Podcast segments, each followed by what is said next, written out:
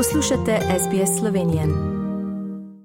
Poslušate slovensko dan na radiju SBS širom Avstralije in po svetu. Ravno smo se udeležili eh, podelitev priznanj najbolj zaslužnim slovencem v New South Walesu in eno dobitnico imamo tukaj med nami, sicer za univerzitetni študent leta in to je bila Izabela Fabjančič. Imamo priložnost, da je pred nami.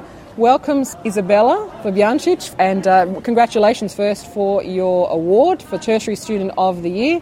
We heard a lot about your background. Firstly, obviously, welcome. Thank you very much for having me. Very excited to be here. We heard you did a Bachelor of Science and now you're doing Masters in Sustainability. So, this is a very interesting topic, obviously, in today's world as well. Tell us a little bit more about your studies and your background.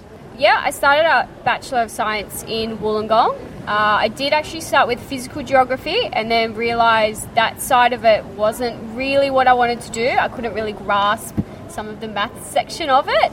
So I did had done a couple of human geography classes looking at human development and how um, urban planning influences communities. So I decided to change to human geography and found that to be much more interesting. And that's where I really got uh, inspiration to continue my studies into the environment and development and how that all connects with community and everything like that.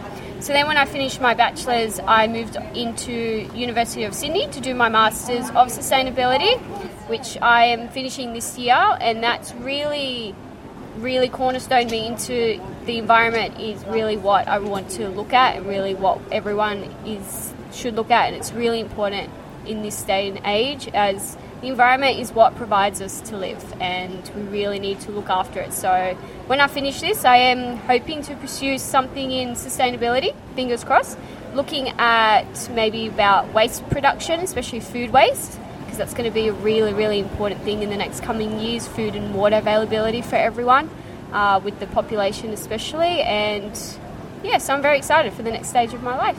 How did you get involved in this and why, I guess, how did the environment become so important to you? Uh, I think I'd always been an environment girl. I think you could ask my parents and they would say, I've always loved animals, I've always loved nature, I'm always the kid that wants to be outside in the trees rather than go to the city. I hate the city. You can ask anyone. I hate going to the city. I'd rather go, you know, west. And we all, I always joke with my dad that if I ever moved anywhere, it'd definitely be in the bush, surrounded just by nature and the trees.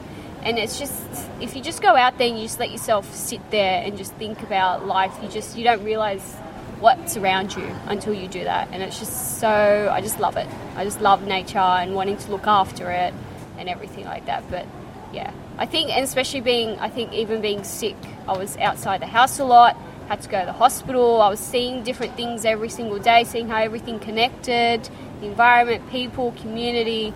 So I think I just grew up with the idea that um, nature is around us and it affects everything we do.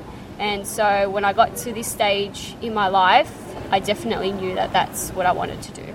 And we heard that that incredible story of uh, you know how you've uh, been in and out of hospital since you were about 18 months old um, from that perspective, and, and you've overcome those challenges to you know the lady that you are today. How does that change, I guess, your outlook then on, on life? It's, yeah, it's really interesting. A lot of people ask me, "What do you remember?" And to be honest, I don't. I feel like as a kid, being sick, you don't remember as much as you think. But a gentleman did ask me. He goes, "But I'm sure there were memories, you know, painful memories." And I said, "There wasn't really." I don't think I really thought it was kind of just ingrained in my everyday life. Okay, this day I have to get up at 6 a.m. because, you know, dad and I, we're going to the hospital, I'm going to do a treatment, and then within two hours I'd be back at school. It wasn't different for me. It was just one of those days you'd get up and it'd be like, all right, you're going to school today, or nah, today this is hospital day. It's like, I'm ready, I'm ready to go. like, come on, mum and dad, we gotta go. Like, I was the kid that was like to mum and dad, we're gonna be late I was the one that was ready to go straight away. like I was telling them to hurry up. Like I, I, need to go and you know go to the hospital to get treatment. That you know at that age you don't un- really understand what the treatment's for, but you know it's to make yourself feel better. I don't think I ever had an issue going. I don't think mum and dad would ever say I could never get Bella out of bed to go. And then I'd go to school and finish my school day and come home and then next day go back to school. It was just part of life. And you're a third generation uh, Slovenian Australian. How did the Slovenian side of, you know, that you grew up on with both sides uh, of your family, being of Slovenian background, how did that, I guess, shape you? Uh, it shaped me a lot. It really taught me the importance of family. We were always at grandma and grandma's and Nanny and Poppy's, and they were always cooking the traditional food. I grew up on that. I love it. I think the Slovenian community, especially my grandparents, friends, and everything, I think they really rallied around my family and I as well. And that really taught me the importance of family and community and keeping that strong. So then when we went to the events and everything, my sister and I were always involved. We were always up dancing even though I can't really do the dance, I always tried with my pop. My pop used to always get me up and be like, all right, let's go, we'll try. I was horrible at it, but I always had so much fun.